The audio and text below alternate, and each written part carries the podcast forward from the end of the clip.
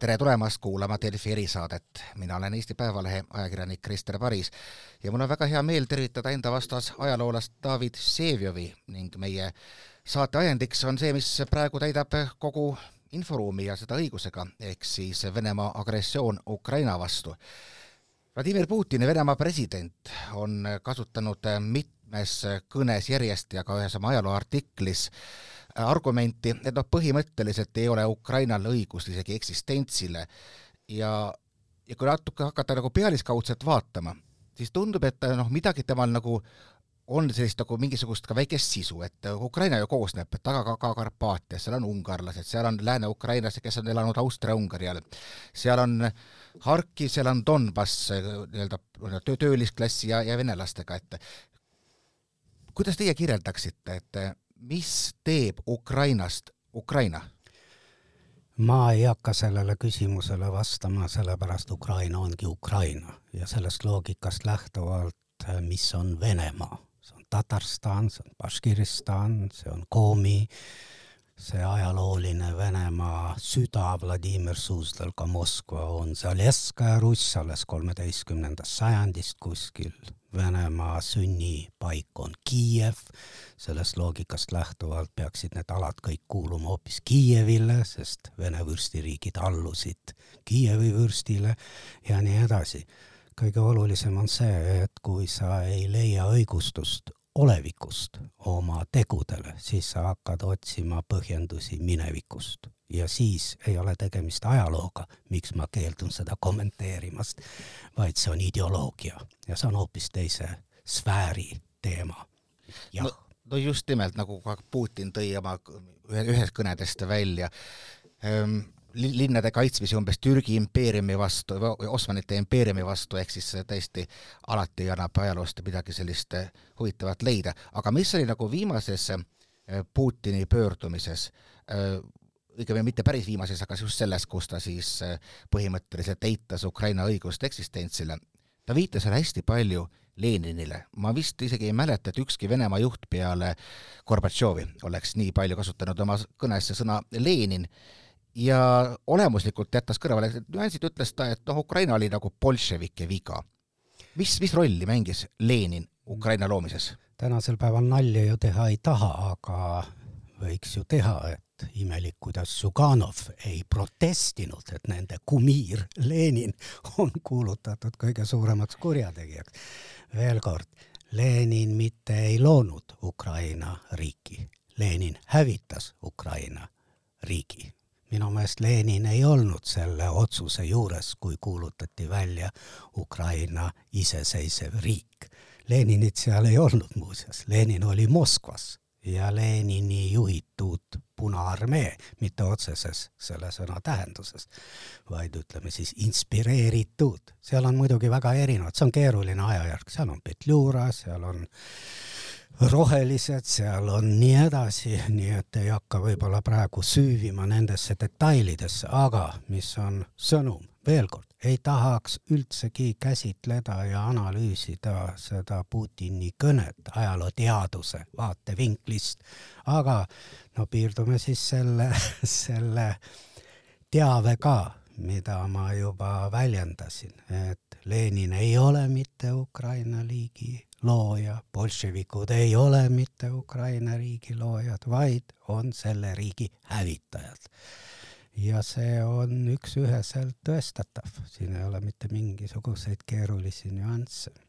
küll aga oli Ukraina ju Nõukogude Liidu looja, kuidas me siis sinna jõudsime? no Nõukogude Liidu looja ta muidugi on pärast seda, kui no mida kõike Eesti NSV ei loonud pärast seda, kui see territoorium okupeeriti, loomulikult. aga nüansina tasub meelde tuletada, et Ukraina on ka ÜRO asutajaliige. kui öeldakse, et seda riiki pole kunagi olnud, kuidas saab riik, mida pole olnud, olla selle kõige olulisema organisatsiooni mitte lihtsalt liige, üheksakümne esimesest aastast, nagu olude sunnina oleme meie, vaid suisa asutajaliige neljakümne viiendast aastast. miks Stalin selle käigu teeb, see on omaette teema, aga fakt jääb faktiks.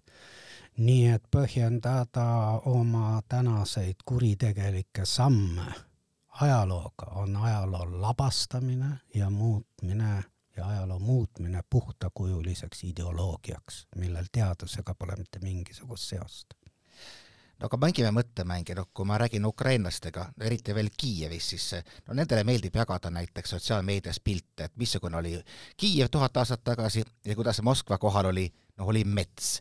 et kui, kui Putin räägib üldiselt Ukrainast kui põlistest Vene aladest, et me võiksime ju pöörata selle hoopiski vastupidi.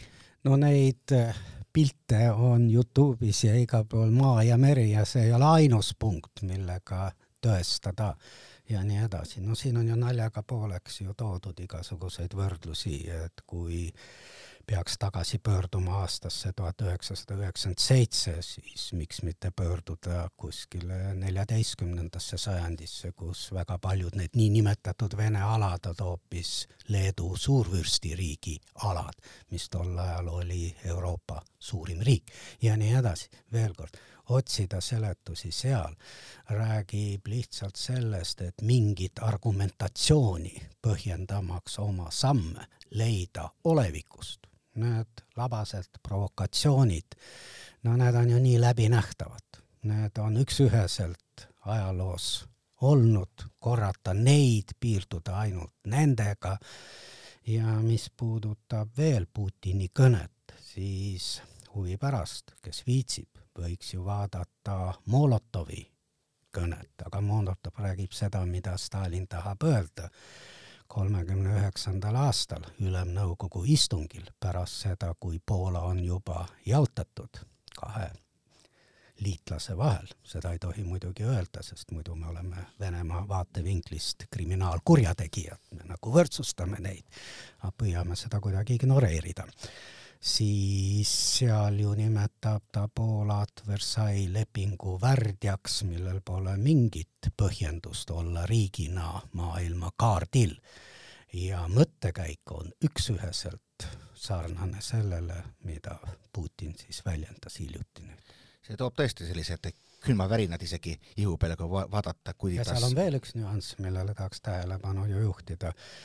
Ta ei lähe sinna oma sõnade järgi mitte okupandina, vaid vabastajana. Ja see toob ju jälle silmade ette paralleele, mis tekitasid isegi punaarmeelastes talvesõja ajal mingi segadusest, neile ju tehti selgeks, et minnakse vabastama Soome rahvast kapitalistide käest ja vastu tullakse neile punaste lippudega ja trummipõrinaga, aga nagu me teame, tuldi hoopis relv käes. nii et see oli ju ka mõne inimese jaoks, kellel ajud olid pestud, aga ajud olid neil peaaegu kõigil pestud, täielik šokk.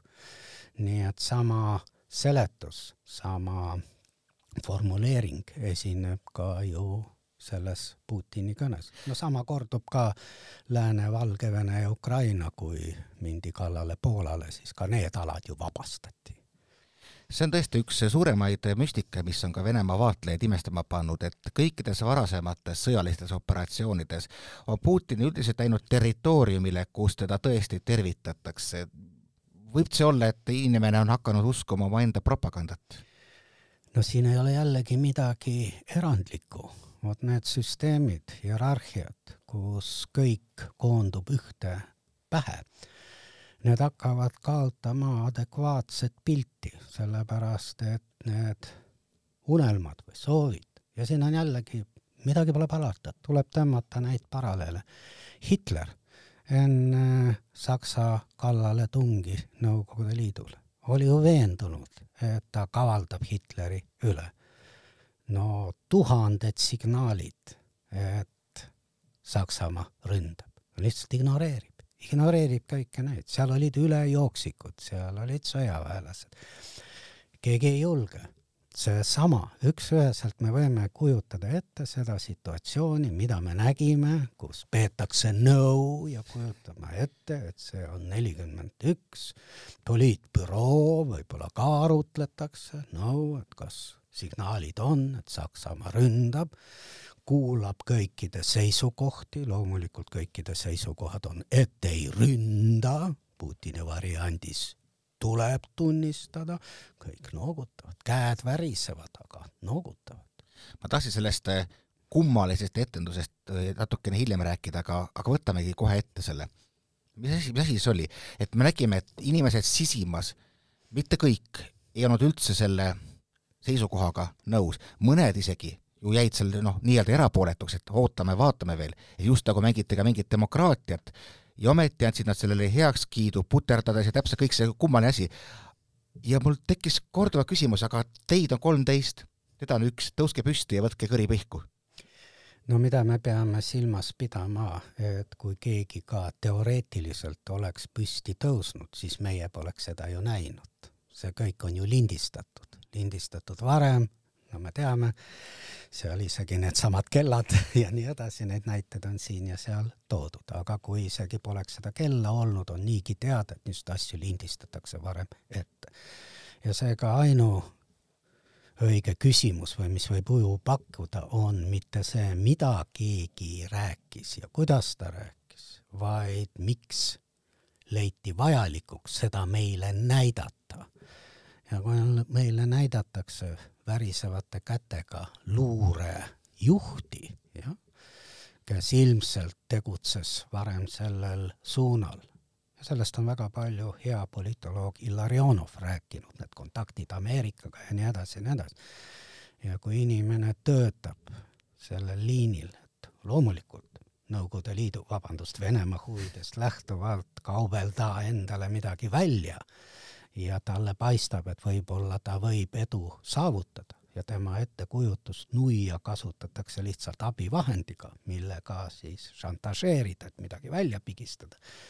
ja nüüd näeb, et keegi talle ootamatult laseb selle nuia käiku ja kogu tema poolt ehitatud stsenaarium, teoreetiline stsenaarium laguneb koost, muidugi tal hakkavad käed värisema. aga seda näidatakse seda näidatakse lähtudes ainus ühest eesmärgist, kes on peremees, kes määrab. ja vot miks vahetevahel stalinlikku maailma võrreldakse ja öeldakse, et see oli mafioosne struktuur. vot seal me nägime klassikalist mafioosset struktuuri, klassikalist, kus siis see pealik ärme hakka seda kirjeldama, seda kõik nägime või soovi korral, kes pole näinud, võib seda tagantjärele vaadata. no ikkagi, no jääme veel korraks selle juurde. Stalini veenmismeetodid, me teame, selleks oli kuklalask piltlikult. no aga siin ei ole mingit vahet. veenmismeetod on hirm, hirm, hirm, muidugi, hirmuastmed võivad olla erinevad kui sa istud sellel samal istungil ja sinu naine on vangilaagris Molotovi variandis, sinu vend on vangilaagris, riigi teine mees Kaganovitš formaalselt. no ja õhtul siis koos pidutsete, laulate ja tantsite, joote viina ja tunnete ennast hästi arutate kõiki asju. Need inimesed olid nakatunud hirmu. täpselt sama, hirmu allikas. Ei ole õige sõna, paneme jutumärgid, no võib-olla midagi muud, kaotada oma sissetulekud, kaotada oma positsioonid, loomulikult. ega need inimesed ju ei kartnud seda, et neid homme maha lastakse, selles mõttes pole Stalini aeg, aga tulemus on ju sama.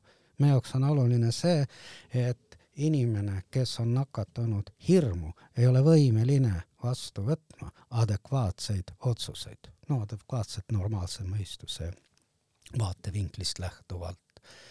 mis seda hirmu tekitab, see on suhteliselt teisejärguline. nii, aga tuleme nüüd ikkagi tagasi natukene Ukraina juurde ja vaatame ikkagi, õngitseme ikkagi minevikus nagu Putin, aga võib-olla rohkem ajaloolisel kombel. mis teie meelest ikkagi eristab noh, Vene ja Ukraina identiteeti, et kui me no vaatame, mõlemad on no valdavalt õigeusklikud, jätame Lääne-Ukraina kõrvale, nad on ikkagi noh, paljuski sarnase ajalooga, mõlema juures käisid äh, jutuvärkides külas äh, mongolid tatarlased, mongolid tatarlased ja, ja et äh, ja üks on ikkagi noh, puudustega, aga toimiv demokraatia ja teine täiesti autoritaarne ühiskond. no mina üldiselt ajaloolasena olen pigem seda meelt, et rahvuslik identiteet, nii nagu meie seda mõistame, on ikka pigem üheksateistkümnes sajand vot ma ei usu. Ja me teame seda tulenevalt ka Eesti ajaloost, millal me hakkame ikkagi rääkima siinsest elanikkonnast ja inimesed hakkavad ennast identifitseerima eestlastena. ja seda ja neid uuringuid on olnud ka suurriikide kohta, Prantsusmaa kohta, võtame Saksamaa, Saksamaa, kus ühtne Saksa riik on ju alles üheksateistkümnenda sajandi seitsekümmend üks pärast Preisi-Prantsuse sõda, tuhat kaheksasada seitsekümmend üks, nii et ühtne sa-, Itaalia täpselt samuti. Need riiklikud moodustised on ju natukene vanemad kui Eesti riik, nii et ei olegi suurt vahet. kas siis inimene identifitseeris ennast sakslasena? ei, ta oli baierlane, ta oli teine, ükskõik mis, Schleswig-Holstein ja nii edasi. sama Itaaliaga ja nii edasi.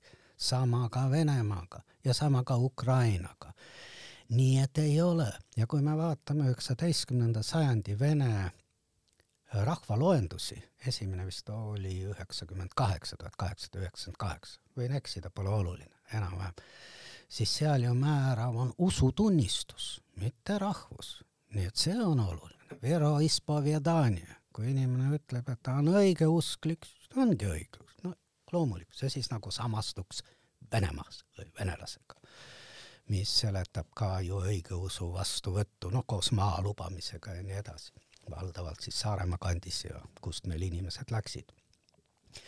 nii et see rahvuslik identiteet, see on suhteliselt hiline mõiste. muidugi, kui me nüüd võtame Ukraina, siis me peame ju silmas pidama, et lääne piirkonnad pole ju Venemaa riigi koosseisus kunagi olnud kui meie räägime, et me oleme pikalt olnud Rootsis, Lõuna-Eesti, Poola, siis ükskõik, Saksamaa ja nii edasi, siis kuni kolmekümne üheksanda aastani oli see varem Austria-Ungari ala, hiljem Poola riik. no inimesed pole kunagi, Lviv ja see kant, pole kunagi olnud Vene impeeriumi koosseisus. meie olime seal Peeter Esimese ajas, nemad ju pole olnud. muidugi, see moodustab loob hoopis teise vundamendi arusaamadest, vot mis see on. aga see identiteet ju võib kujuneda ju väga paljudest teistest teguritest tulenevalt. Ja nagu me tänapäeval ütleme ilmselt see nii ka on, et tulenevalt Putini tegutsemisest on väga suurel Ukraina alal kujunenud vot see mentaliteet ja kui julm see ka poleks, kui sa oled koos pommide all, siis seal ei ole vahet, kas sa oled sealt või siit, siis see ongi see mentaliteet. mina kui ukrainlane, mind pommitatakse, mind tapetakse sellepärast, et ma elan siin, et ühe diktaatori arvates kuulun ma vot sellesse mentaalsesse ruumi. Aga kui me räägime ikkagi sellisest noh, demokraatlikust otsustusprotsessist, mis te arvate, kas see, et Ukrainas olid ikkagi suured kasaka piirkonnad, mis noh, tegelikult ei allunud niimoodi kaasaja mõiste järgi vertikaali mööda tsaarile, et see on üks osa selle see on väga sest... õige jah, sellepärast et millegipärast kogu seda kasaklust seostatakse valdavalt Lõuna-Venemaaga, aga paljus on see just nimelt tänapäeva Ukraina piirkond, jah. See on omaette nähtus. kui ma seda intervjuud ette valmistasin, siis ma sattusin eh, Economisti pikaaegse Moskva korrespondendi Arkadi Ostrovski esseele, kust, kus ta noh, pikk essee, aga ta põhimõtteliselt ütles, et äh, Venemaa ja Ukraina ongi nagu ikkagi ka ajalooliselt ja mentaalselt lahutamatud ja just sellepärast ei ole võimalik putinlikul režiimil, kui ta tahab sellise režiimina kesta, Ukrainat alles jätta. ja ometi noh, kui nad on nii, nii läbi põimunud, siis ei ole nagu näha hetkel probleemi, et ka vennalasrahvad üksteist tapavad, et mis te arvate, kui suure vapustuse võivad sellised vastuolud tuua kaasa Vene enda ühiskonnas? no kõigepealt vennasrahvad, aga ma isegi täpsustaks, vennasrahvas tappis ennast erakordselt veriselt Vene kodusõja päevil. Nii et need ideoloogilised postulaadid kaaluvad üle, on öeldud, et nii julma sõda, nagu kodusõda reeglina on, kus on mitte ainult vennasrahvad, vaid ongi üks rahvas, ajalugu ei tunne eriti palju. et armu annad nagu võõrale, noh, sest sa ei saa aru, mida ta teeb, aga vennasrahvas või sama rahva esindaja, no see on eriti suur vaenlane. Nii et seda tuleb kindlasti arvestada. aga see kõik ja kogu see mõttelaad, vot miks see teeb nii jõuetuks ja miks see teeb nii vihaseks, vahel ma mõtlesin, et see kuulub kuskile üheksateistkümnendasse sajandisse. ma ei tea, kuhu see kuulub. miks seda vaja on? mis muutub Tambovi kubermaagu inimese elus, mis teeb teda õnnelikuks. ja vot siin ongi erinevus, see tee, mida on valinud Euroopa Liit, Euroopa riigid. Pole teist piirkonda Euroopas, kus oleks valatud nii palju verd, ütleme hilisema ajaloo käigus, kui vabandust, Saksamaa, Prantsusmaa piir. no kas tänasel päeval on oluline, kes kummal pool piiri elab. no meeldib sealpool, sõidad sinna, ela seal. Meeldib siinpool, sõida sinna, ela seal. meeldib suvitada Krimmis. kas venelased enne ei saanud seda teha? no suvita Krimmis. milles küsimus? ja minu jaoks on üldse arusaamatu, ma, miks ma seda politoloogiat kui teadust ei armasta, mitte ei armasta, miks see käib mul üle jõu, ma ei mõista lihtsalt, ma ei tea, mis on geopoliitilised huvid. ma ei ole sellest aru saanud, ma ei tea, mis see on no kunagi olid maavarad võib-olla.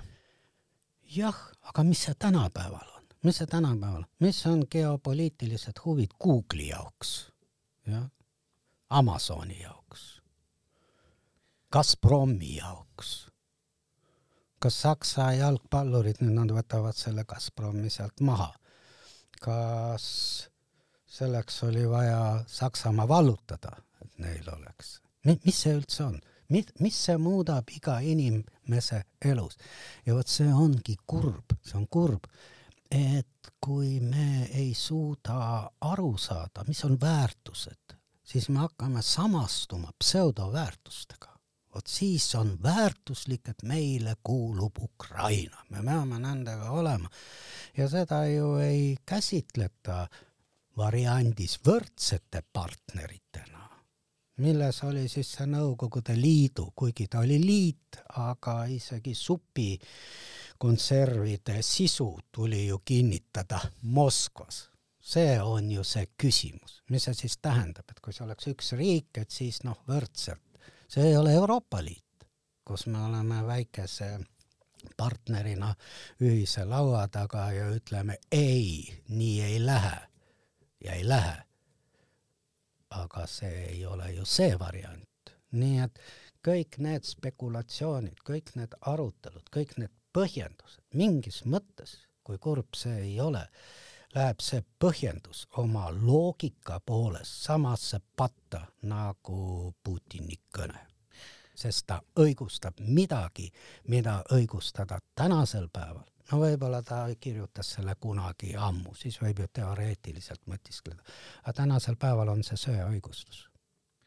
no kui ma proovin panna ikkagi mingisugusesse loogilisse valemisse, no Putini käitumist, ma ei tea, mul endal on kõhutunne, et ta natukene äh, tingitud alaväärsus ja mitte, mitte üleväärsus, vaid just alaväärsuskompleksist, nagu paljud taolised agressioonid. Ja ma, ma ei tea, mul endal tekkis selline mõttemäng, et noh, ja kui palju nagu praeguses Venemaas äh, tegelikult hoopiski Ukrainat. Ja läbi selle, et vaadake, kui palju tuli ju Nõukogude Liidu juhte Ukrainast, vähemalt äh, Hruštšov, Leonid Iljitš, äh, et äkki, äkki nad tõesti tunnetavad kuidagi, et Kiievist on neid liiga palju rõhutud, suunatud ja see on selline noh, mingisuguse siis vähemalt väikese inimese nagu kättemaks sellele ei, ma arvan, seda seal küll ei ole, aga lõpuks ei ole ka oluline, millises variandis paranoia väljendub.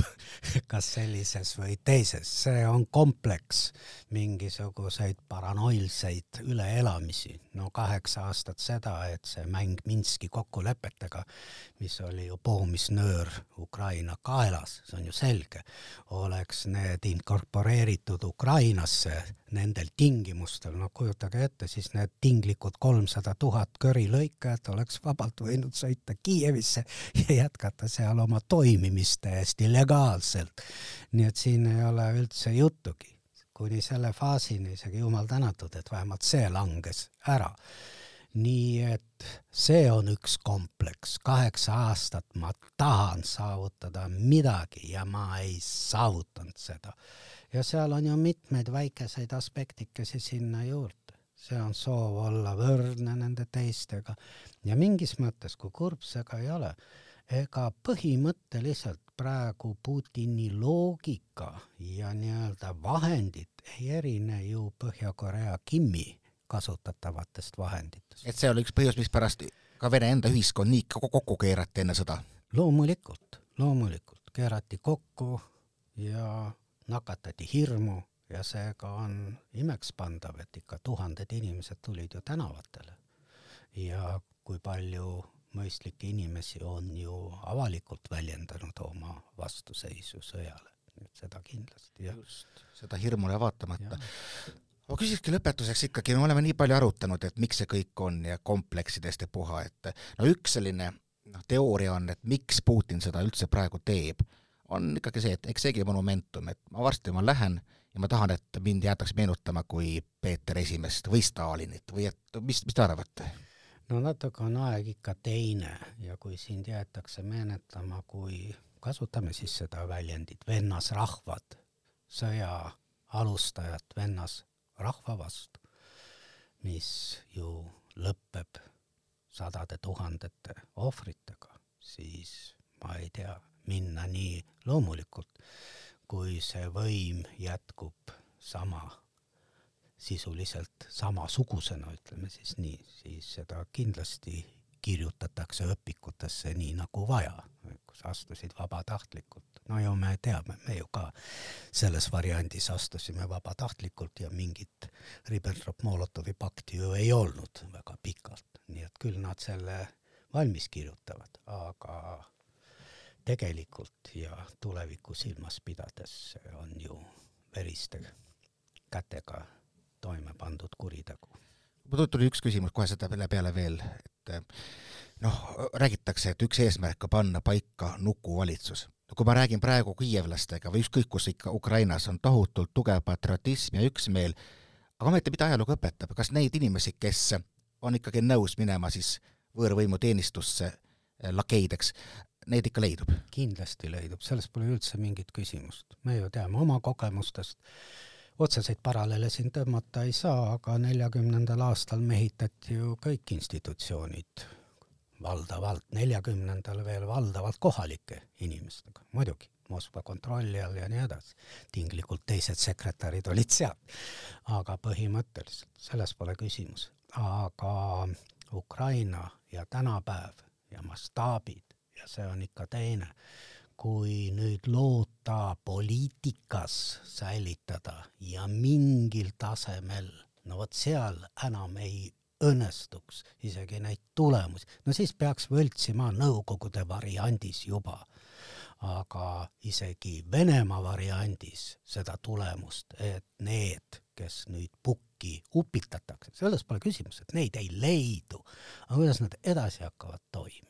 Kui lihtne see saab olema ja millalgi peab ju mingisuguseid valimisi mängima, aga Nõukogude Liit oleks võinud ju vabalt loobuda. milleks Nõukogude Liidus valimised?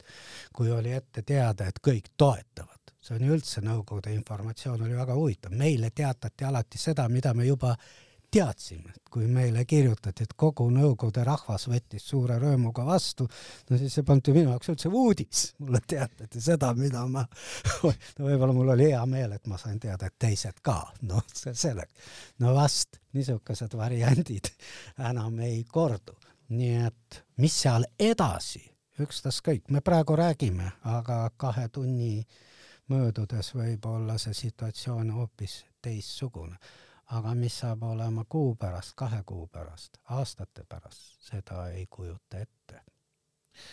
no igal juhul me näeme praegu kahekümne esimesel sajandil enneolematut ja väga pikka aega enneolematut äh, sõjalist äh, sissetungi teise riiki Euroopas. aitäh ajaloolasele David Vsejevile, mina olen Eesti Päevalehe ajakirjanik Krister Paris ja jälle kuulmiseni siis uutes erisaadetes. aitäh kutsumast!